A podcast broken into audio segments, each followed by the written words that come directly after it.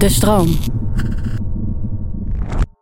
Hey, ik snap dat je je podcast wil luisteren, dus ik zal het kort houden. Want als jij het belangrijk vindt om duurzame keuzes te maken, kan ASR misschien helpen. Nou hoor ik je denken, hoe dan? Nou, bijvoorbeeld bij het duurzaam herstellen van schade. Of de premies die we beleggen volgens ons duurzaam beleggingsbeleid. Dat bepaalt waar we wel en juist niet in investeren.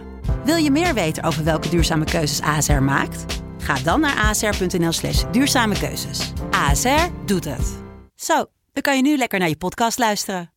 Toen stuurden ze dus twee maanden later of zo een bizar gedetailleerde kaart met een heel verhaal op de achterkant met hoe het Noorderlicht precies werkt. Ja, eigenlijk weet je het dus al. Nou, die kaart ben ik dus kwijt. Dus eigenlijk wilde ik jou de vraag stellen hoe het Noorderlicht eh, precies werkt.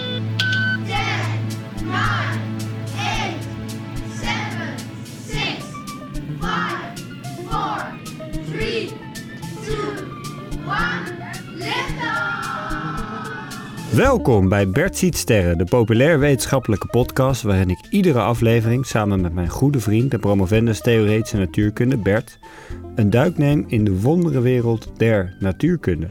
Dankjewel voor deze introductie weer, Tim. Nou ja, eh, eh, je bent mijn goede vriend En promovendus theoretische natuurkunde.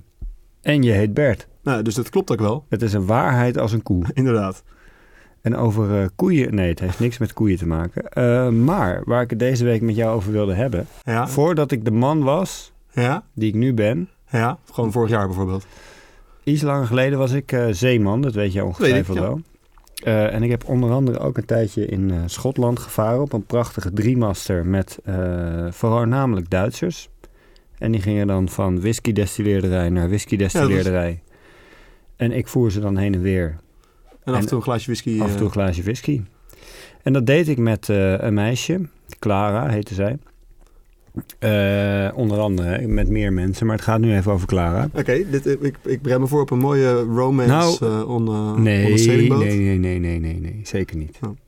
Maar ehm, ik was dus eh, met haar aan het varen en op een avond hadden wij het over het Noorderlicht. Mhm. En zij was niet alleen eh, matroos, maar ook bijzonder slim. Ja. En zij wist het wel uit te leggen, maar we kwamen er net niet helemaal uit hoe het nou werkte, het Noorderlicht. Oké. Terwijl in Schotland kan je dat op, als je een beetje geluk hebt, zit je best noordelijk. Dus je kan het in principe zien. We hebben het toen niet gezien, die periode. Oké.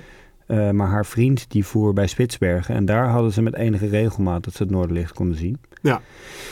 En toen was ik, eh, was ik weer thuis, was ik weer eh, van boord af. Toen stuurden ze dus twee maanden later of zo een bizar gedetailleerde kaart met een heel verhaal op de achterkant met hoe het Noorderlicht precies werkt. Gruwelijk. Eigenlijk weet je het dus al. Nou, die kaart ben ik dus kwijt. Dus eigenlijk wilde ik jou de vraag stellen hoe het Noorderlicht eh, precies werkt. Ik vind het niet zo aardig tegenover Clara alleen als zij Nee, luistert. ik, ik hoop dat ze niet luistert. Nee, dat begreep ik.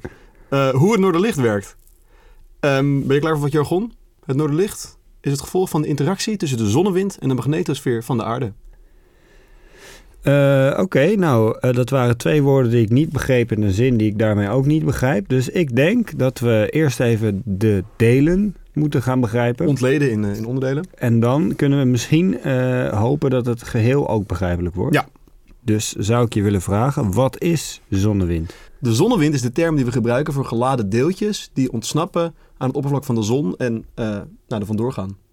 Vanaf de zon. Kun je dat echt voelen als wind als je een soort eh, ruimteschip bent? Het is niet zo dat als je in de ruimte zit dat je denkt van oh lekker briesje, maar net zoals dat bij wind, dus er, er lucht op je af eh, knalt, schieten hier wel deeltjes uit de zon op je af. Je gaat er niet, eh, er gaan geen raampjes klapperen en, eh, en zo als de zonnewind langskomt. Eh, dat, zou ik, dat denk ik niet, nee. En, en wat voor deeltjes eh, zijn dit? Nou ja, de zon bestaat voornamelijk uit waterstof.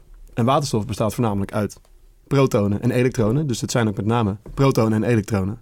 En waarom eh, verlaten die de zon dan? Eh, nou, er zijn eigenlijk twee dingen die die deeltjes in principe tegenhouden om, om te ontsnappen aan de zon. De ene is ze moeten een hoog genoeg energie hebben. Dat hebben ze niet allemaal. En aan de andere kant worden ze ook tegengehouden door het magnetisch veld van de zon. Want de zon heeft net als de aarde ook een magnetisch veld. Maar er zijn soms plekken op de zon waar het magnetisch veld net even wat lager is. Een soort van gat. En waar, die deeltjes, eh, waar de deeltjes zijn die een hoge energie hebben. En die deeltjes zullen dan alsnog ontsnappen aan de zon. En, en weglekken of wegschieten in de zonnewind naar outer space.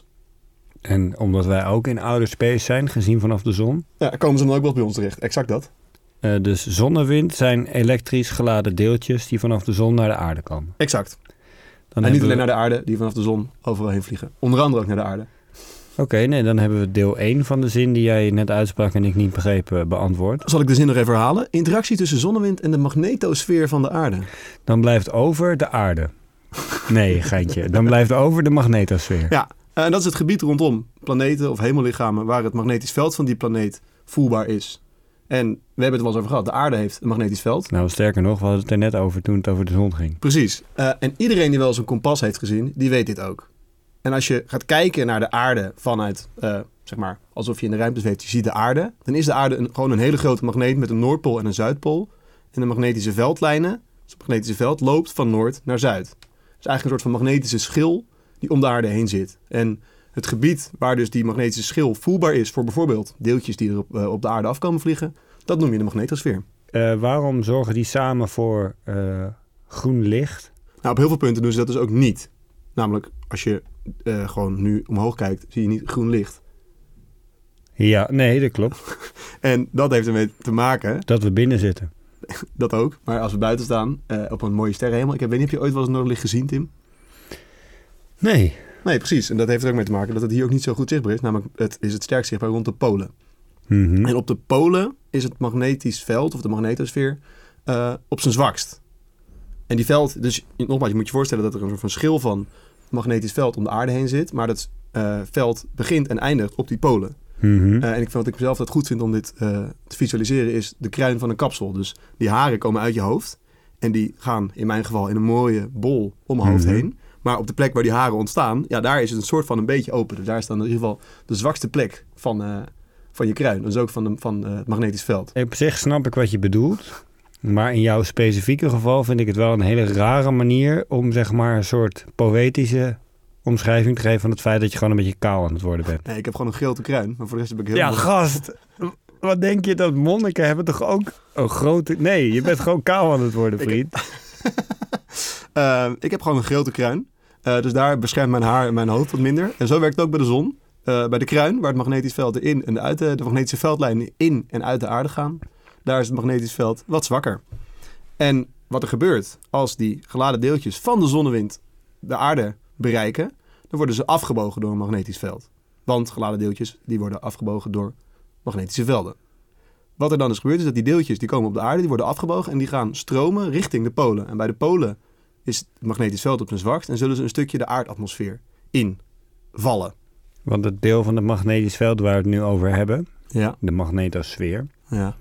Dat is nog buiten de, zeg maar, de luchtlaag om de aarde. Ja, dus je buiten de eerst een soort eh, magnetische beschermingsring Ja, voor allerlei eh, kosmische invloeden. Ja. En daarna pas de lucht. atmosfeer, precies, ja. Wat grappig. En dat is dus ook de reden dat je dat noorderlicht dan met name bij de polen ziet. Want daar zal het, is de magnetosfeer op zijn zwakst.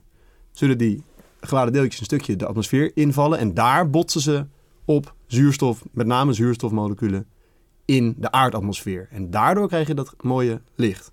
Vet. Cool hè? Ja. Eh, en waarom is het dan groen?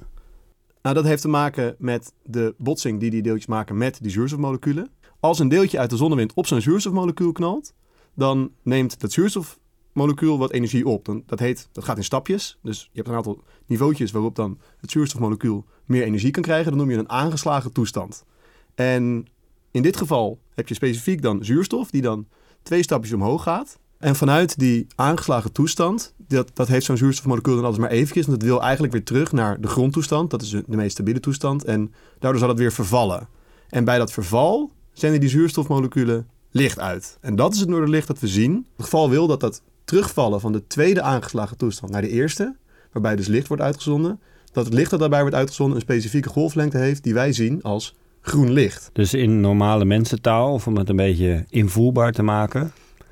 Zeg maar, als je, eh, je bent aangereden Ja, in je auto op de snelweg. Mhm. Daarna ben je een tijdje aangeslagen. Hè? Dan rij je geen 180 meer, maar misschien 160 of zo. Eh, ja of in dit geval, Ja, nee, ik ben nog niet klaar. Maar op een gegeven moment denk je, oh ja, maar het is alweer een tijdje geleden. Je vergeet langzaam dat je aangereden bent. En op een gegeven moment ga je vanzelf weer 180 rijden. Is dat een beetje, zeg maar, het terugvallen van de aangeslagen toestand, 160 rijden, naar de Bert die jij altijd was, gewoon plankgas 180?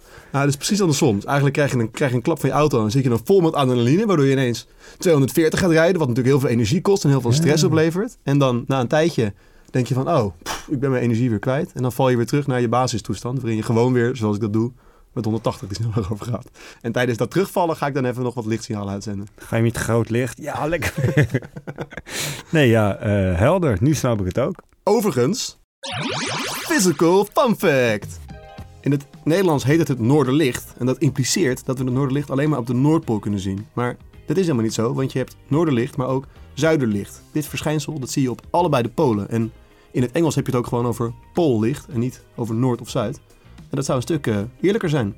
Grappig, want je zou toch verwachten dat ze in het Engels polar light zeggen, niet poollicht. Ik had het even vertaald, Tim. Voor, oh, eh, thanks. Voor onze niet-Engelstalige luisteraars. Precies.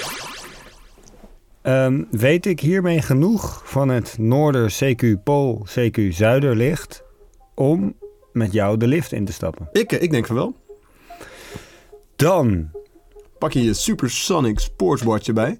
dan pak ik inderdaad mijn Supersonic Sportswatch, waarvan het jammer is dat het nog steeds merkloos is. Dus mocht je nou een sponsor zijn en maker van supersonische sportswatches, eh, geef even een, ehm, Belletje. een belletje op. want dat zie ik ook gelijk op, op mijn supersonische sportswatch binnenkomen. hè. Precies. Dan zie ik of ik gebeld word. Ja, Dan kan ik zelfs opnemen. exact.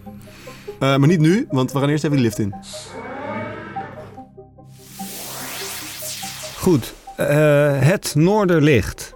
Het Noorderlicht ontstaat als interactie tussen zonnewind en de magnetosfeer van de aarde. En, dan vraag je je waarschijnlijk af, wat is zonnewind en wat is de magnetosfeer? Dat zal ik je vertellen. Zonnewind zijn elektrisch geladen deeltjes die soms vrijkomen van de zon als het magnetisch veld om de zon iets zwakker is en de, magneten, of de elektrisch geladen deeltjes net wat meer energie hebben, zodat ze losbreken en het ruimtepad kiezen. Eh, en dan komen ze ook op aarde. Die deeltjes worden in principe eh, tegengehouden door het magnetisch veld van de aarde. Eh, dat wordt ook wel de magnetosfeer genoemd.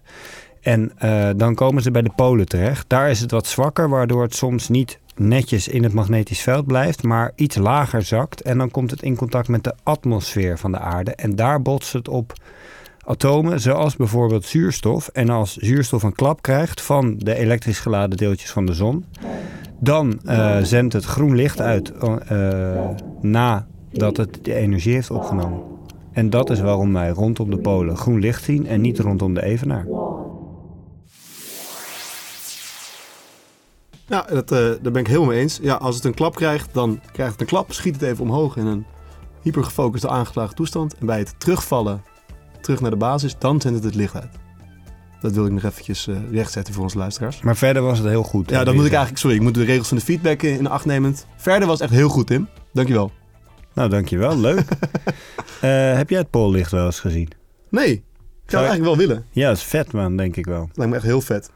Eh, mocht je een reisbureau zijn, laat het ons ook weten. wij komen graag een keer op bezoek. Mocht je Clara zijn en je hebt het gevoel dat deze uitleg niet toereikend was, laat het dan ook weten. Al denk ik niet dat daar reden voor is natuurlijk. Nou, het kan wel gevisualiseerd worden. Het was echt een mooie tekening. Ja, maar ik denk dat, ik weet niet of ze een kopie heeft gemaakt van die kaart voor jou, Tim. Dus misschien eh, moet jij gewoon nog even je huis... eh, ja, ik goed- denk dat ik het wel weer kan vinden hoor. Precies. Maar in voorbereiding op deze aflevering is het helaas niet gelukt. Eh, dan was dit Bert ziet sterren voor deze week. Zeker. Wil jij voorkomen Dat onze afleveringen afgebogen worden door de magnetosfeer en helemaal niet meer bij ons terechtkomen. Dan moet je even op volgen klikken in je favoriete podcast-app. En dan komen de nieuwe afleveringen vanzelf door je brievenbus. En geef ons vooral een recensie. Geef Bert iets sterren. Sterren? En heb je vragen of wil je zelf een onderwerp aandragen? Mail dan naar bertzietsterren.de-stroom.nl Helemaal waar. Voor nu, hartelijk dank voor weer een aflevering luisteren. En tot de volgende ster. Hatsa.